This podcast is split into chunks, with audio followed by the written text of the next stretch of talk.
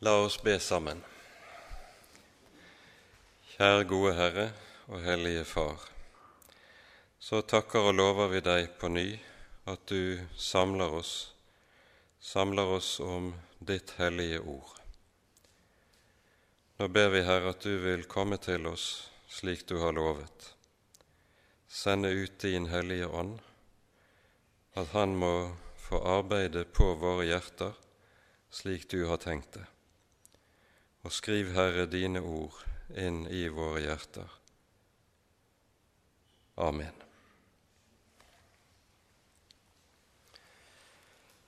Sist gang var altså tanken den at vi skulle gå gjennom eh, siste halvdel av kapittel 2 i 2. Timotius brev. Det rakk vi ikke, eh, så vi har noen vers tilbake i kapittel 2, og så gir vi oss i kast med kapittel 3. Og Vi gjør det slik da i kveld at vi starter med å lese fra vers 19 i det andre kapittelet, og så leser vi til og med vers 9 i det tredje kapittelet. I Jesu navn. Men Guds faste grunnvoll står og har dette seil. Herren kjenner sine, og hver den som nevner Herrens navn, skal avstå fra urett. I et stort hus er det ikke bare kar av gull og sølv, men også av tre og av leire. Noen kar er til ærefullt bruk, andre til vanære. Den som nå har renset seg så han holder seg borte fra disse vanærens kar, blir selv et kar til ære, helliget, nyttig for husbonden, satt i stand til all god gjerning. Fly fra ungdommens lyster og jag etter rettferdighet, tro, kjærlighet, Fred med dem som påkaller Herren av et rent hjerte. Vis fra deg de tåpelige og uforstandige stridsspørsmål, for du vet at de føder strid. Men en Herrens tjener må ikke ligge i strid, men være vennlig mot alle, i stand til å lære andre, villig til å tåle ondt. Med ydmykhet skal han tilrettevise dem som sier imot, om Gud da kunne gi dem omvendelse, så de kunne kjenne sannheten, og våkne opp av sin rus i djevelens nare, han som de er fanget av, så de må gjøre hans vilje.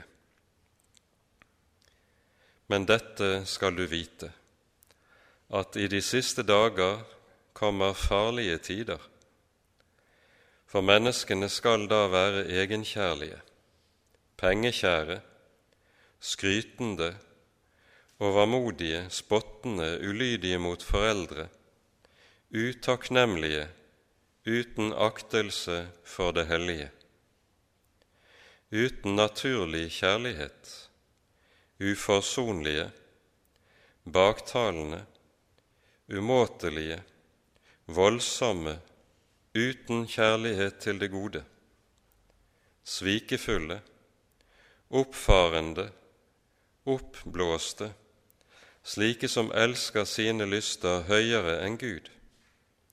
De har skinn av Guds frykt, men fornekter dens kraft. Slike skal du vende deg fra. Til dem hører også de som sniker seg inn i husene og fanger kvinnfolk som er nedtynget av synder og drives av mange slags lyster, som alltid vil lære, men aldri kan komme til sannhetserkjennelse. Som Jannes og Jambres sto Moses imot, slik står også disse sannhetene imot. De er fordervet i sitt sinn og holder ikke mål i troen. Men de skal ikke ha mer fremgang for deres dårskap skal bli åpenbar for alle, slik det også gikk med de to jeg nevnte. Amen.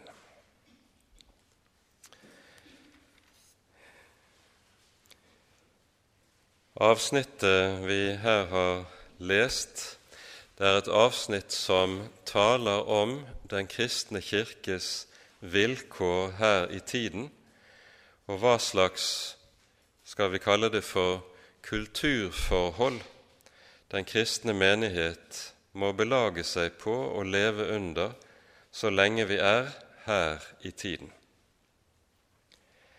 De tre første versene vi leste, fra vers 19 til 21, det er ord som taler på grunnleggende vis om hva den kristne menighet er. Vers 19, for de av dere som har eh, norsk bibel, eh, utgjør det et, avslutningen på et avsnitt der det tales om kampen mot vranglæren. Og Det er slik at dette verset det innledes med i våre oversettelser med et 'men'. Vi kunne oversette det ordet som her står, med et 'i alle fall er det slik at'. Det står der i motsetningen til at det er tale om alle mulige forskjellige slags vranglærer som dukker opp, ganske særlig, som vi var inne på sist gang, er det tale om gnostikerne som har begynt å gjøre seg gjeldende i den kristne menighet. Og så sier apostelen i alle fall, eller i motsetning til dette, gjelder følgende, nemlig Guds faste grunnvoll står og har dette seil. Og Det vi da skal merke oss, er at det som Paulus her taler om, det er menigheten. Det er den som får navnet Guds faste grunnvoll. Det ser vi at Paulus gir menigheten det samme navn i eh, første Timotius brev i slutten av det tredje kapittelet. Her står det sånn i det 15. og 16. verset. I fall jeg dryger, vil jeg at du skal vite hvordan en bør ferdes i Guds hus, som er den levende Guds menighet, sannhetens støtte og grunnvoll. Menigheten får altså slike navn, og så fortsetter han, og det må bekjenne, stort er gudsfryktens mysterium, Gud åpenbart i kjød, rettferdiggjort i ånd, osv. Når menigheten kalles Guds faste grunnvoll, så er det fordi menigheten avbildes, som vi vil huske i Det nye testamentet, hyppig som et hus, en bygning, et tempel. Og denne bygningen er grunnfestet nettopp på sannheten. Og sannheten det taler om, det er apostlenes og profetenes budskap. De kalles ofte for apostlenes og profetenes grunnvoll, f.eks. i Efeserbrevet. Og her ser Paulus likesom den kristne menighet og det budskap som den er tuftet på, og som den lever av, som en enhet og Derfor kalles også menigheten for Guds faste grunnvoll. Nå er det slik at måten Paulus uttrykker seg på, er ganske viktig i sammenhengen. Guds faste grunnvoll står, slik er det oversatt. Verbet 'står', som anvendes i grunnteksten, står i en perfekt form perfektumform. Og det betegner på gresk noe som er skjedd som en engangshandling, og som så varer ved. Det fortsetter. Det er altså Guds faste grunnvoll. Det er noe som er blitt grunnlagt, og forblir stående. Og vi skjønner at bakenfor dette ligger Jesu løfte til Peter når han taler til Peter i Matteus 16 om at han vil bygge sin menighet. Så sier han også i denne sammenheng dødsrikets porter skal ikke få makt over den. Den skal bli stående, den skal bli stående så lenge denne tidsalder står.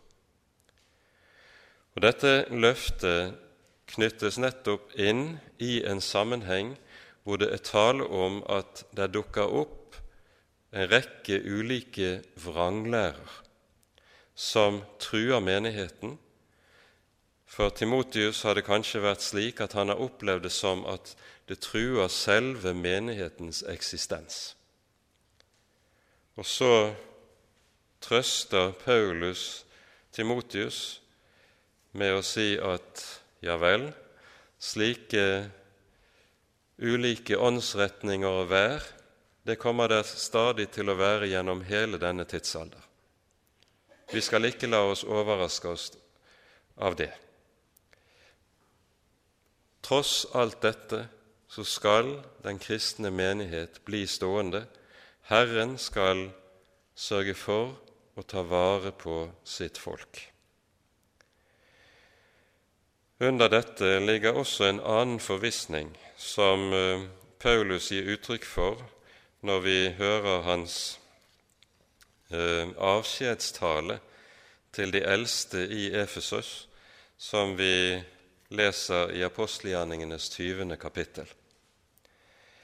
Her er det jo slik at Paulus er på vei etter sin tredje misjonsreise tilbake til Jerusalem der har vært samlet inn en gave i menighetene i Makedonia og i Grekenland til de fattige i Jerusalem. Og Paulus reiser med denne gaven, ledsaget av flere følgesvenner, opp til Jerusalem. Og så er det blitt klart for ham gjennom Den hellige ånds inngivelse at dette er siste gang han ser sine venner her fra Efesos.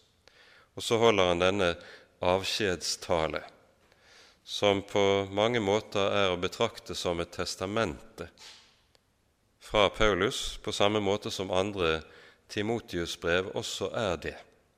Og Derfor er det et nært slektskap mellom dette kapittel 20 i eh, apostlenes gjerninger og 2. Timotius brev. De står hverandre meget nær. Etter at Paulus i denne talen har talt om på ny om uh, ulike vranglærere som skal opptre, de sammenlignes med ulver i fåreklær, så sier han i vers 31 og 32 følgende.: Våg derfor, og husk at jeg i tre år, natt og dag, ikke holdt opp med å formane hver eneste en med tårer.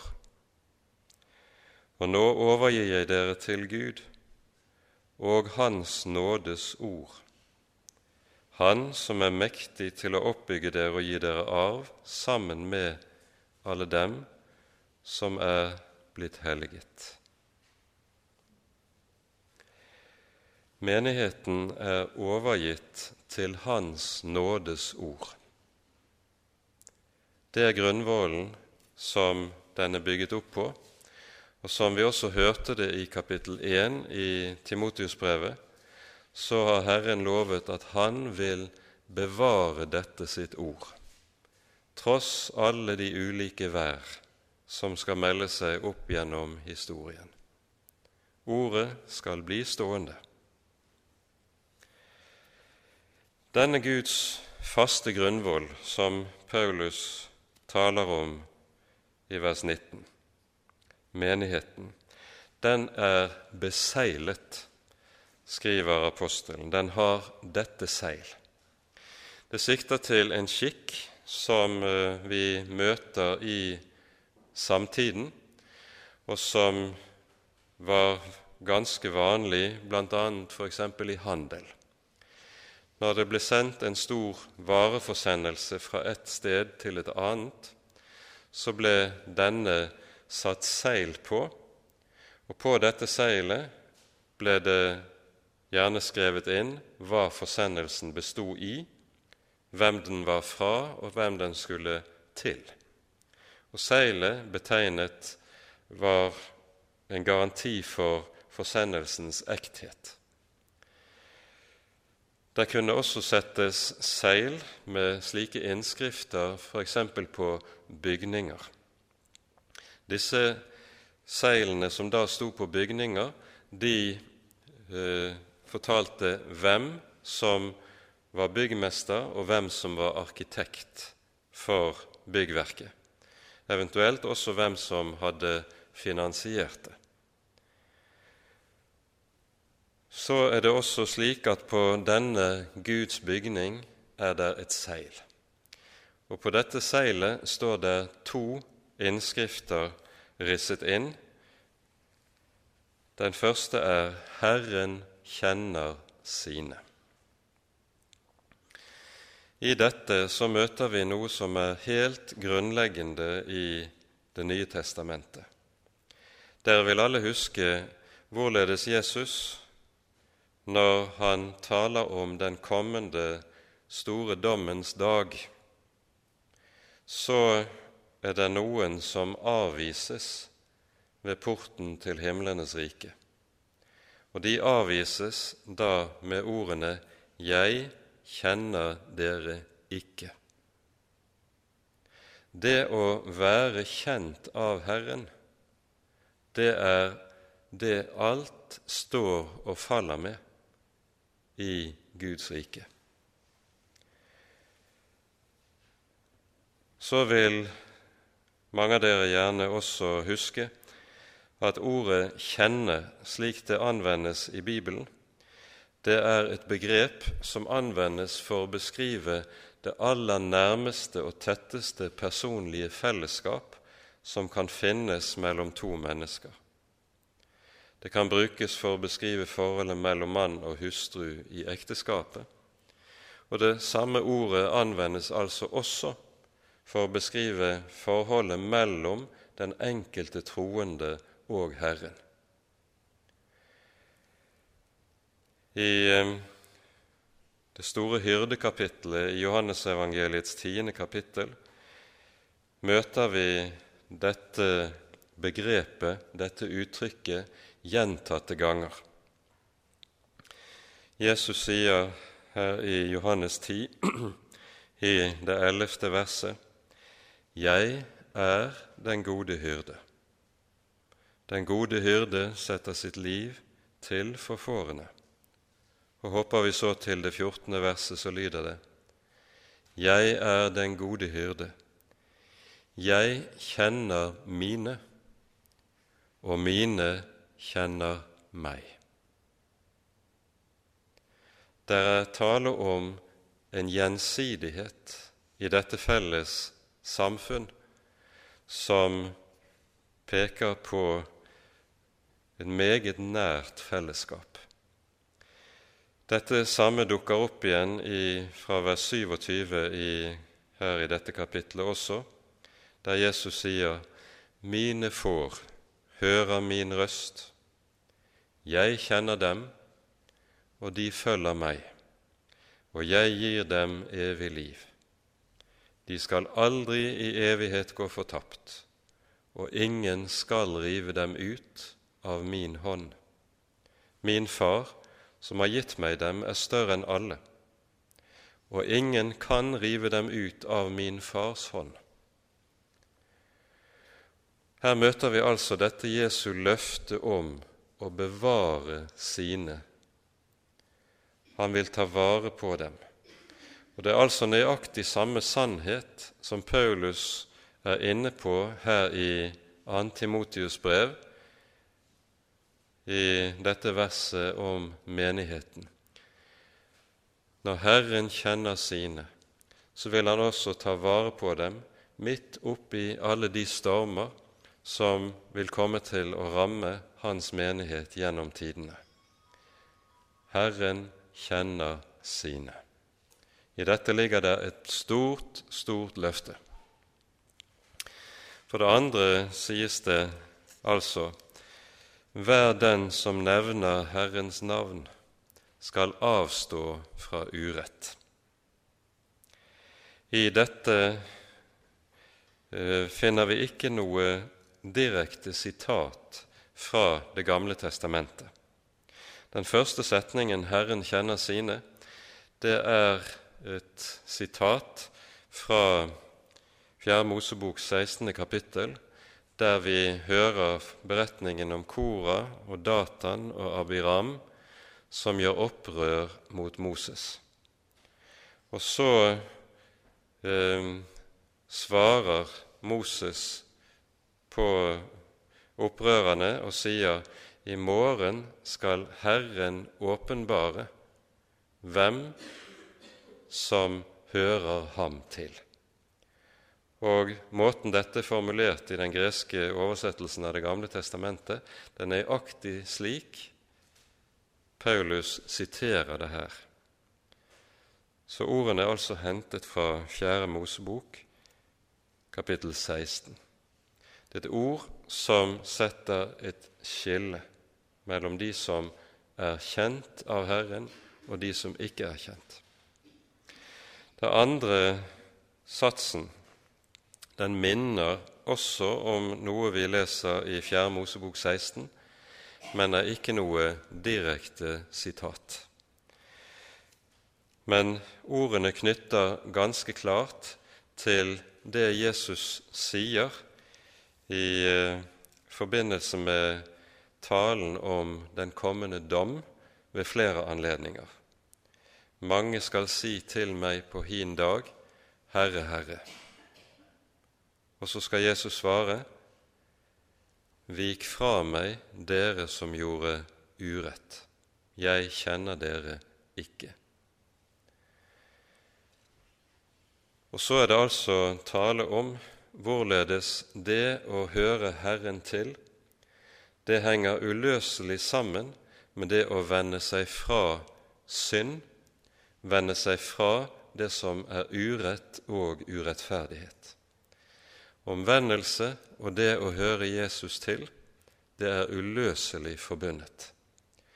Og Derfor vil det å leve i synd være noe som er umulig for den som hører Herren til. Å falle i synd det er noe hver kristen gjør. Men han kan ikke godkjenne det, han kan ikke forsvare det. Han tar tvert imot avstand fra seg selv og fra det han gjør som han vet er syndig, i det han bekjenner det og vil gjerne få det gjort opp og bli renset fra det gjennom syndenes forlatelse. Men en kristen kan ikke leve i synd. Og det er det det er tale om i denne sammenheng. Hver den som nevner Herrens navn, skal avstå fra urett. Og hva som er urett, det lærer Bibelen oss meget tydelig i det den taler om, bl.a. de ti bud. Vi skal ikke komme nærmere inn på det i denne sammenheng. Poenget med dette er at i vers 19 finner vi en kirkedefinisjon, en menighetsdefinisjon, som svarer ganske nøyaktig til det som vi finner i den augsburgske bekjennelsens artikkel 7, der det sies Kirken er de helliges forsamling. Hvem er det som er hellig? det lærer Det nye testamentet oss tydelig, det er de som lever i troen på Jesus. Det er de som kalles hellige. Men denne kirkedefinisjonen den slutter ikke med artikkel 7 i den augsburgske bekjennelsen. Den fortsetter i artikkel 8 med å si følgende selv om Kirken i egentlig mening er forsamlingen av de hellige og sant troende, er det likevel, da mange hyklere og onde er blandet inn i den i dette liv, tillatt å bruke sakramentene selv om de forvaltes av onde. Det sies altså at i dette liv, her i denne verden, vil det være en forskjell på det som er den ytre kirkeorganisasjon, og det som er de sanne troende. Det vil alltid i den ytre kirke være mennesker som nok har bekjennelsen i munnen, men ikke i hjertet. De er altså det som bekjennelsen her kalte for hyklere eller onde, idet de er med i menigheten i ytre forstand, men ikke har, eier livet i Herren. Og Det er nettopp det Paulus nå går over til å tale om i de to følgende versene. I et stort hus er det ikke bare kar av gull og sølv, men også av tre og leire. Noen kar er til ærefullt bruk, andre til vanære. Den som nå har renset seg så han holder seg borte fra disse vanæres kar, blir selv et kar til ære, helliget, nyttig for husbonden, satt i stand til all god gjerning. Her hører vi Paulus tale om den ytre organisasjon, om man vil bruke det ordet, den ytre kirke, der vil det alltid være blandet opp. Og det er ikke oss gitt å kunne se og skjelne hvem som er sanne troende, og hvem som ikke er det. Det, det er Herren alene som kjenner hjertene. Dette, denne sannhet er jo noe som også Jesus taler om ved flere anledninger.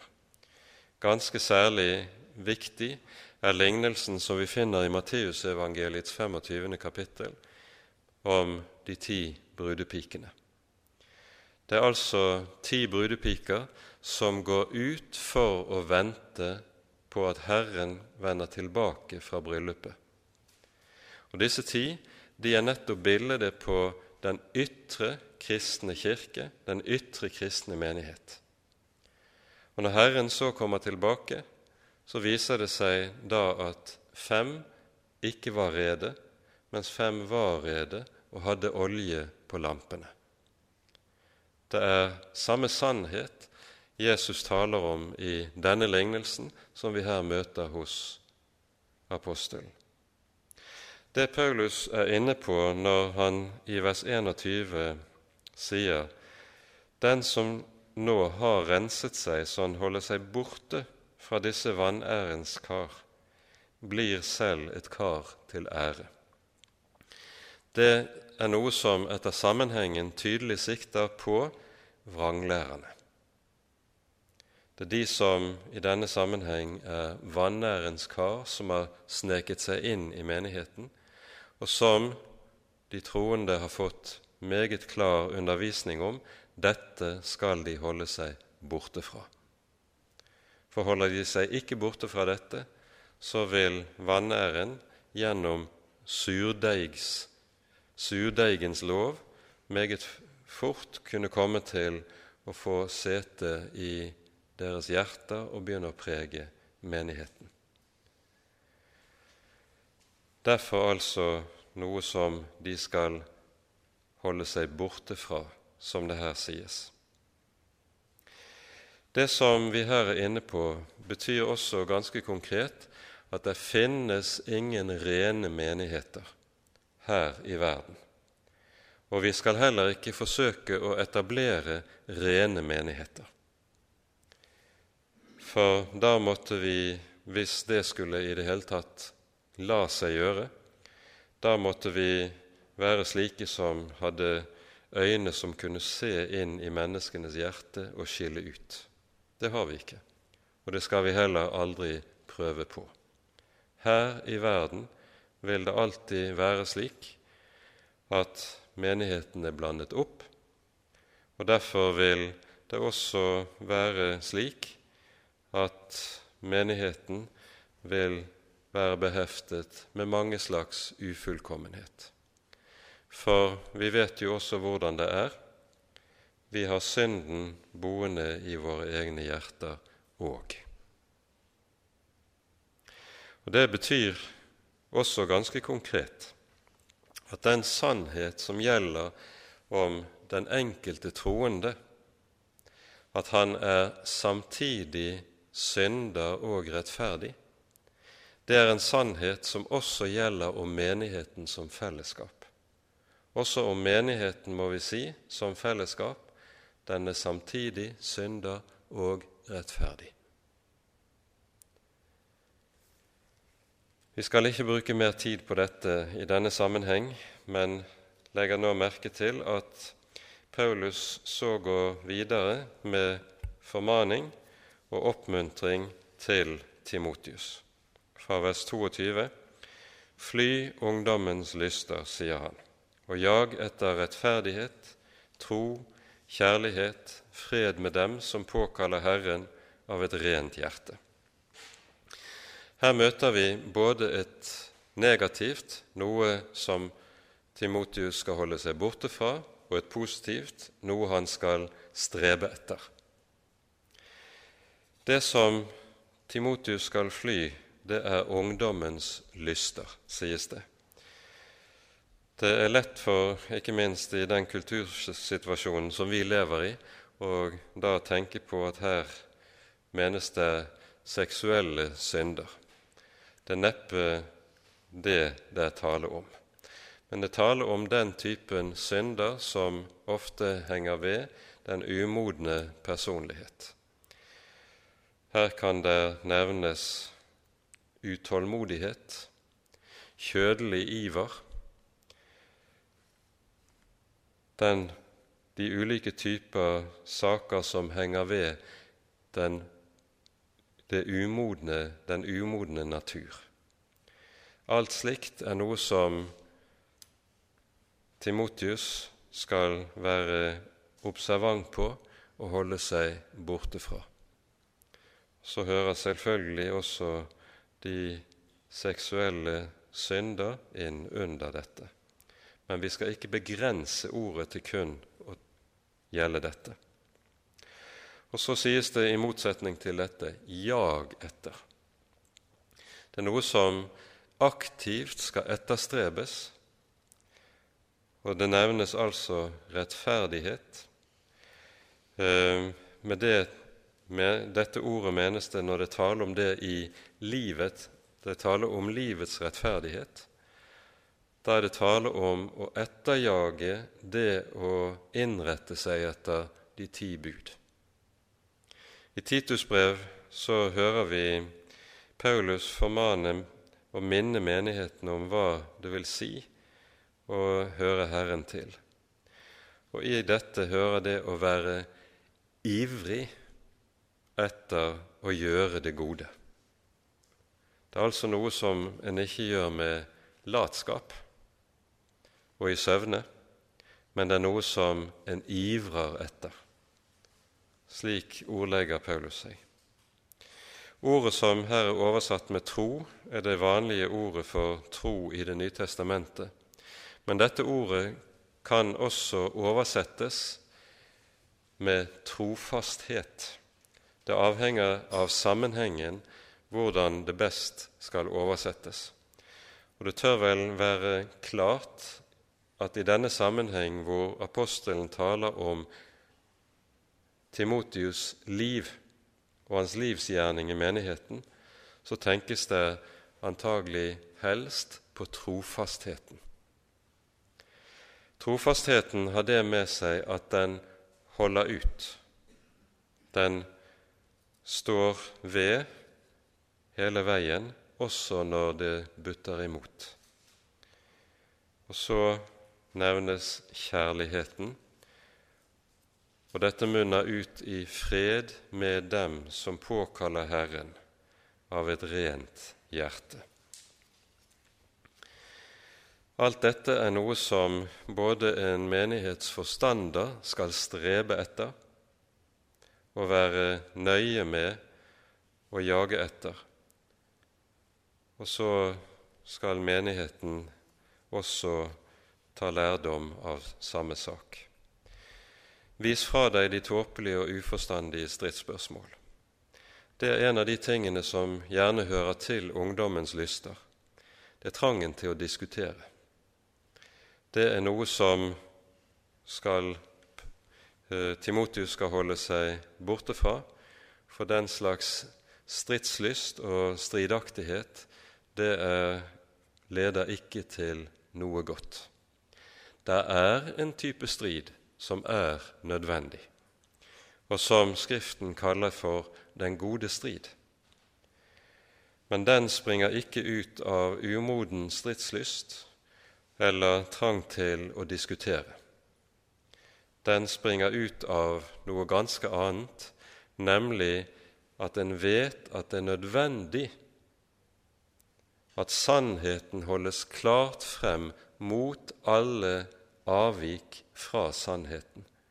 Og dette er nødvendig for at menigheten skal bli bevart. Derfor er det vi hører f.eks. i Judasbrevet at dette brevet innledes i det tredje verset med følgende ord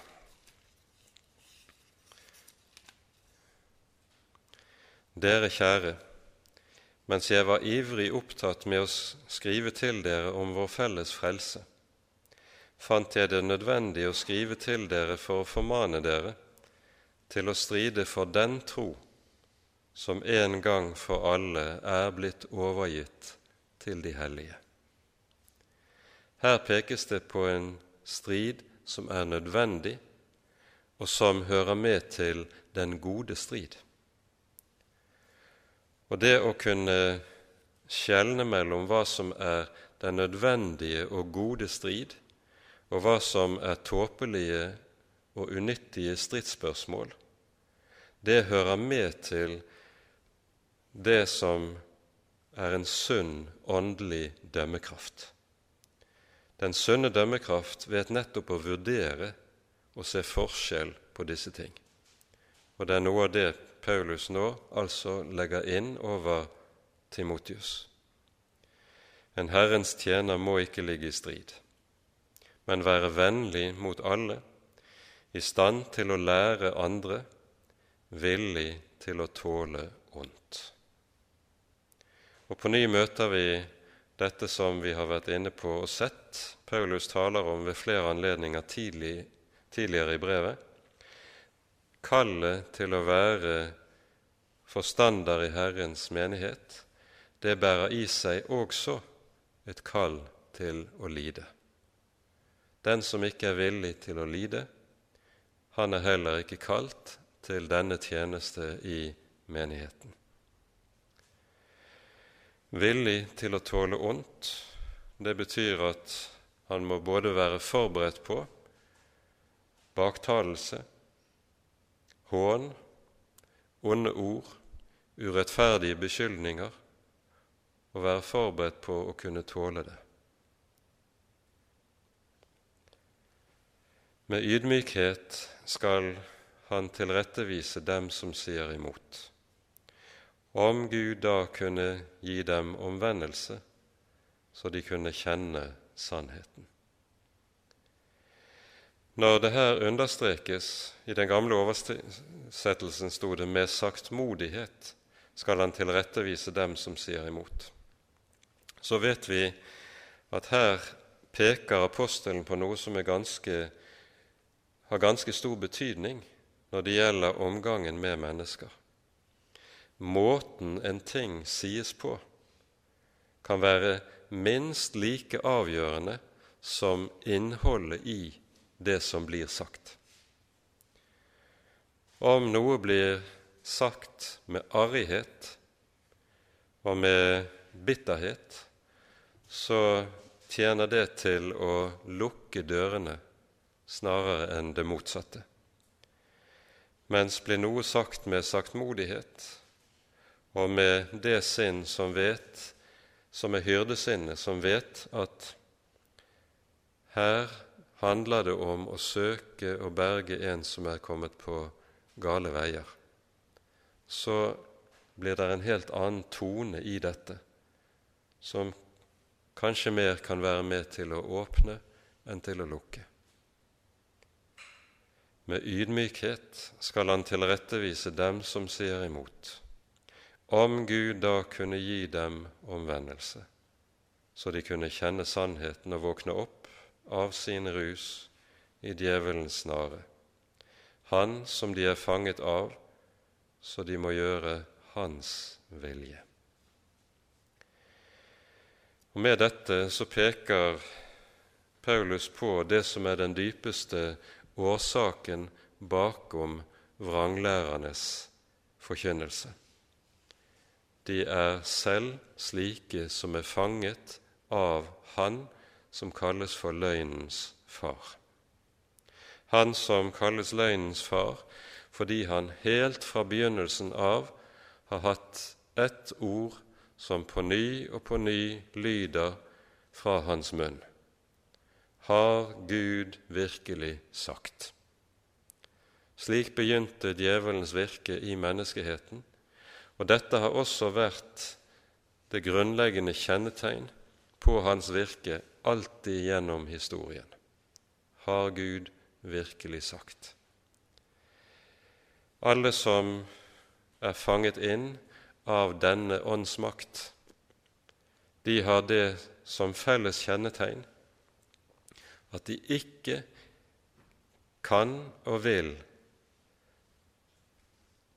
bøye seg for Guds ord slik det er, står og er overgitt, men alltid kommer med et jammen, alltid kommer med en innvending, alltid søker å komme med alternative sannheter som man mener er bedre, klokere, mer fornuftige og passer meg som hånd i hanske.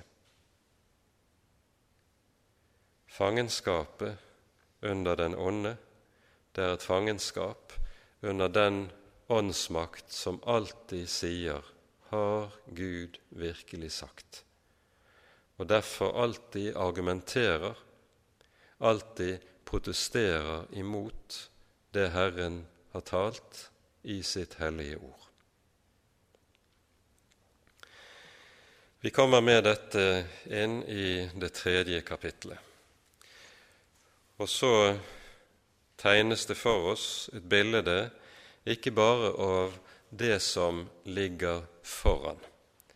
Dette skal du vite, at i de siste dager skal det komme farlige tider. Slik er det oversatt i den nye, eller den reviderte oversettelsen av Norsk bibel. I den gamle oversettelsen sto det 'skal det komme vanskelige tider'. Ordet som her er oversatt slik, det kan bety eh, nettopp noe som er vanskelig, noe som er meget hardt og tungt å forholde seg til, eller det kan bety truende eller farlig. Ordet kan f.eks. brukes om det opprørte havet som setter skipet i fare.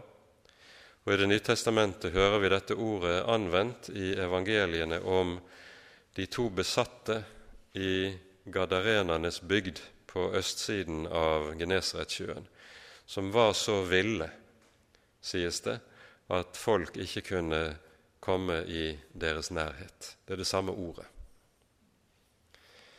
De er altså farlige, men dette skal du vite, at i de siste dager skal det komme farlige tider. Og hvorfor er de farlige? Jo, det er fordi menneskene blir slik som det er beskrevet i de følgende vers. Men her skal vi også være klar over at når Det nye testamentet bruker uttrykket 'de siste tider', så er hovedbetydningen av dette uttrykket alltid tiden mellom Jesu første komme og hans siste komme. Det er vi som lever nå, som lever i de siste tider. Veldig typisk ser vi dette i innledningen til Hebreabrevet. Der eh, anvendes nettopp uttrykket, dette uttrykket på denne måten. Etter at Gud fordum, i fordums tid mange ganger og på mange måter hadde talt til fedrene gjennom profetene, har han nå i disse siste dager talt til oss gjennom Sønnen. Og her er det nettopp tale om tiden mellom Jesu første komme og hans siste komme. Så er det nok slik at alt det som her står beskrevet i det tredje kapittel, det skal vokse i kraft, utbre seg stadig mer og mer, ettersom historiens avslutning nærmer seg. Men det er i og for seg ikke noe som er prinsipielt nytt i noe av det vi her hører omtalt. Det hele kan kanskje aller best sammenfattes med Jesu ord i, fra hans store endetidstale i Matteus 24. Der sies det slik:" Fordi lovløsheten tar overhånd, skal kjærligheten bli kald hos de fleste. Matteus 24, 12. Fordi lovløsheten tar overhånd, skal kjærligheten bli kald hos de fleste. Og Så vet vi også hvorledes Det nye testamentet lærer oss tydelig at henimot historiens avslutning skal det skje et veldig frafall fra kristen tro, frafall fra Jesus, et frafall som nettopp er kjennetegnet ved ordet lovløshet. Og Ordet lovløshet betegner altså to ting. For det første betyr det motvilje mot eller fiendskap mot Guds hellige lov, mot Guds bud. Altså, det blir slik at menneskene nekter å innrette seg etter Guds bud. De vil heller følge sine egne hjerter.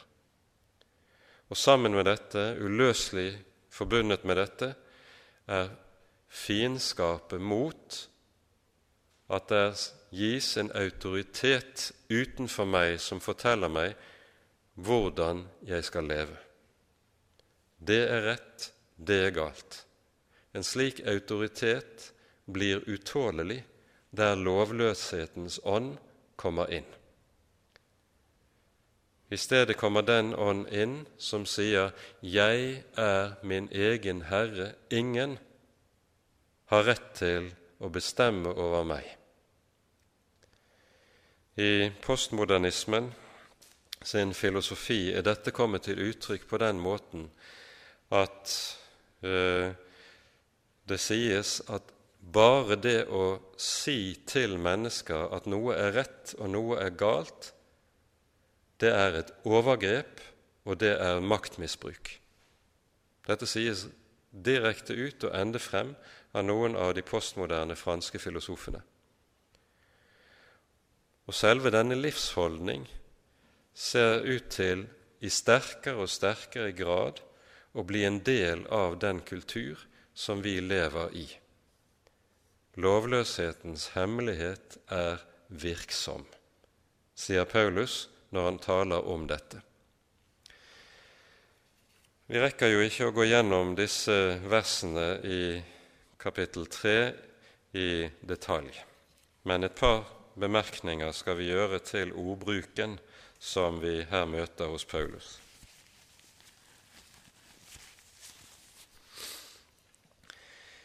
Menneskene skal da være egenkjærlige, pengekjære, skrytende, overmodige, spottende, ulydige mot foreldre, utakknemlige, uten aktelse for det hellige. Og så uten naturlig kjærlighet, uforsonlige osv. Det greske ordet som her er oversatt med egenkjærlig, det betyr rett og slett å elske seg selv. De elsker seg selv. Det er ganske enkelt det som sies. Og eh, det er jo da tankevekkende hvis vi har et skråblikk på vår egen kultur hvorledes det de siste 30 årene har vært utgitt bok etter bok som på en eller annen måte har liggende i sin tittel 'Elsk deg selv'. Det blir, likesom blitt noe av innbegrepet av hva som er det viktige for dagens mennesker. Elsk deg selv. Og Så kommer det neste begrepet, pengekjære, og det brukes et tilsvarende ord, slike som elsker penger. Den som elsker seg selv, vil alltid elske penger. Hvorfor? Fordi det å ha mye av penger, det er den beste måten å kunne få utløp for egne lyster og det å realisere seg selv, som man gjerne sier det. Jo mer man har av mammon, jo mer har man frihet til å gjøre akkurat som en vil, og som en lyster. Og Derfor er egenkjærlighet og pengekjærlighet alltid et tospann som henger i hop. Skrytende og overmodige, det er de to neste ordene, og de dukker meget opp, ofte opp sammen i gresk litteratur. Skrytende, det betyr eh, Ord betyr slike som taler store ord som det ikke er dekning for, og gjerne helst da store ord om seg selv, det en gjør eller har gjort, og som det altså ikke er dekning for.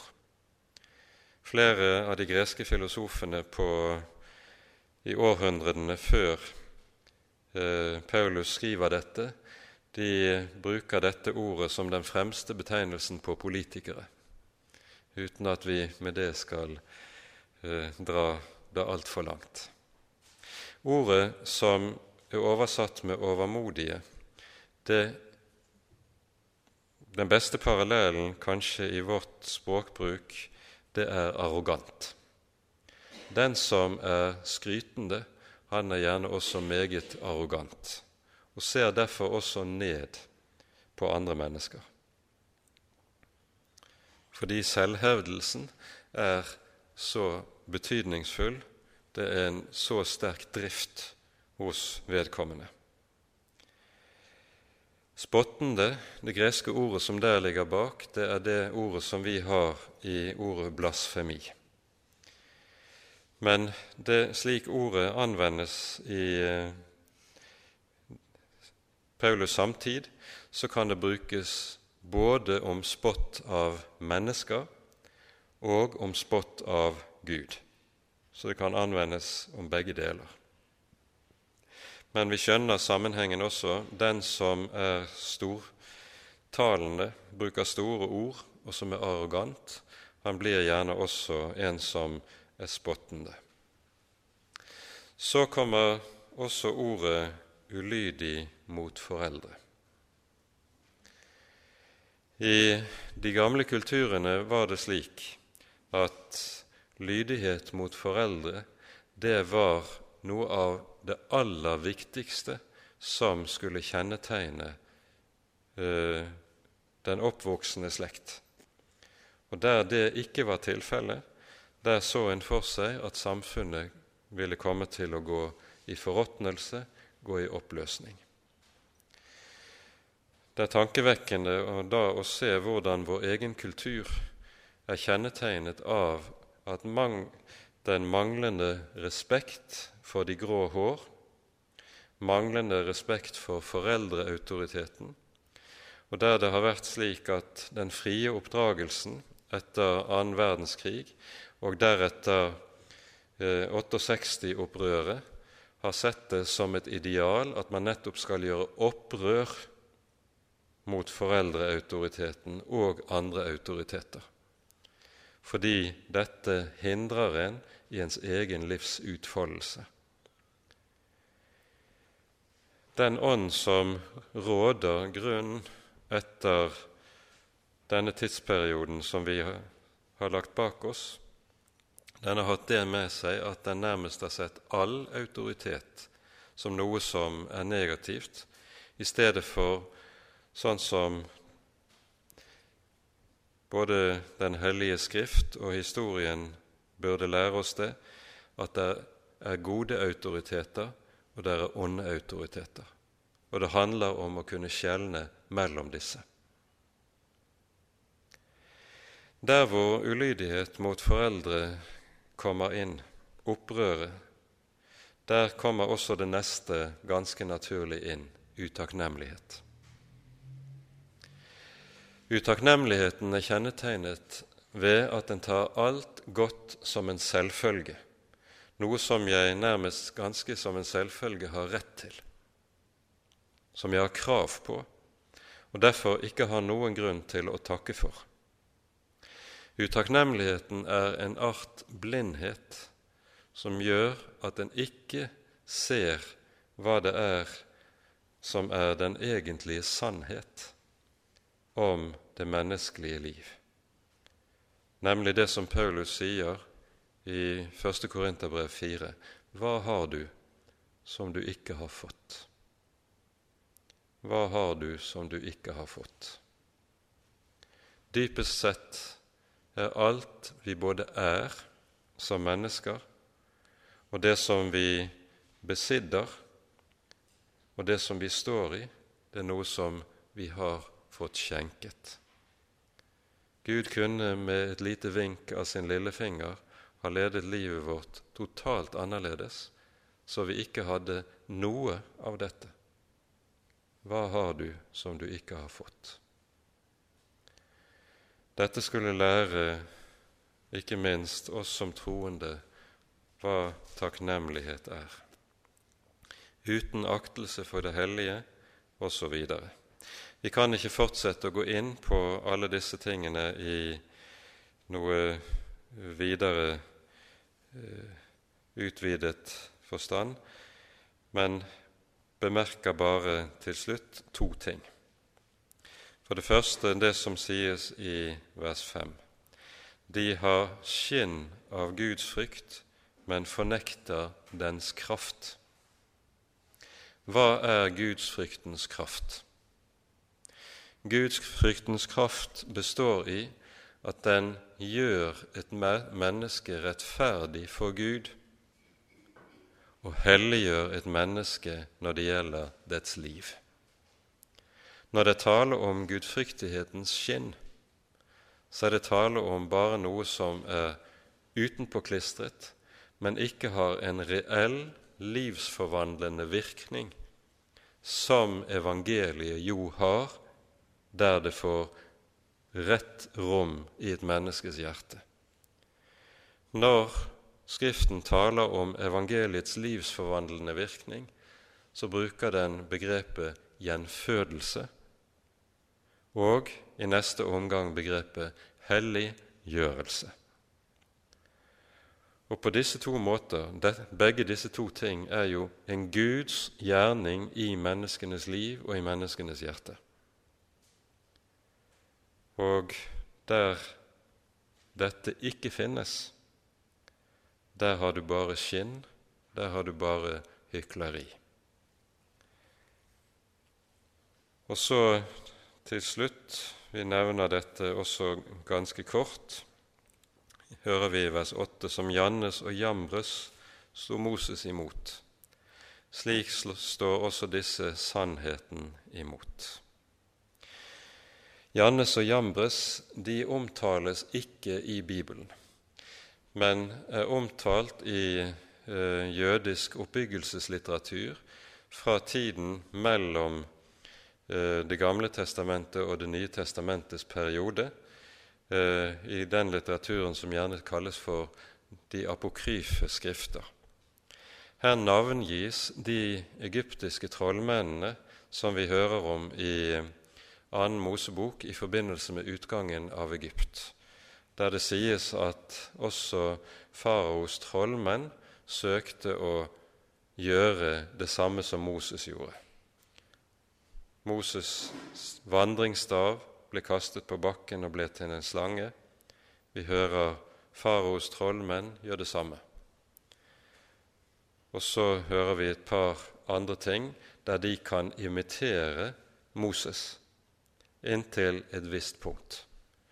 Når du kommer til avslutningen av kapittel 8 i 2. Mosebok, så er de ikke lenger i stand til å imitere den undergjerning Herren gjør gjennom Moses. Og da, når disse trollmennene da må melde pass, så sier de 'dette er Guds finger'. De var avslørt som slike som dypest sett ikke hadde makt. Herren var den som hadde makten. Og så sier de dette er Guds finger. Og på samme måte som disse altså ble avslørt, sier Paulus, slik skal det også gå med de vranglærere som har vært omtalt tidligere i brevet. De skal ikke mer ha fremgang, for deres dårskap skal bli åpenbart for alle, slik det også gikk med de to jeg nevnte. Og Når Paulus sier dette, så er jo bakteppet de ordene som vi startet opp med i det 19. verset i kapittel 2. Herrens, eller Guds, faste grunnvoll står. All løgn skal til slutt bli avslørt. All løgn skal til sist renne ut i sand. Det som skal bli stående, er det som Herren har talt. Himmel og jord skal forgå, sier Jesus. Mine ord skal aldri i evighet forgå. Også om tidene skulle bli slik som Paulus her taler om dem, når han peker på, peker på hva det er som skal skje i kulturen frem imot historiens avslutning. Himmel og jord skal forgå, mine ord skal aldri i evighet forgå, sier Jesus. Det er den kristne menighets ankerpunkt, faste holdepunkt, som ikke sviker. Og med det setter vi punktum. Ære være Faderen og Sønnen og Den hellige ånd, som var og er og være skal, en sann Gud, høylovet i evighet. Amen.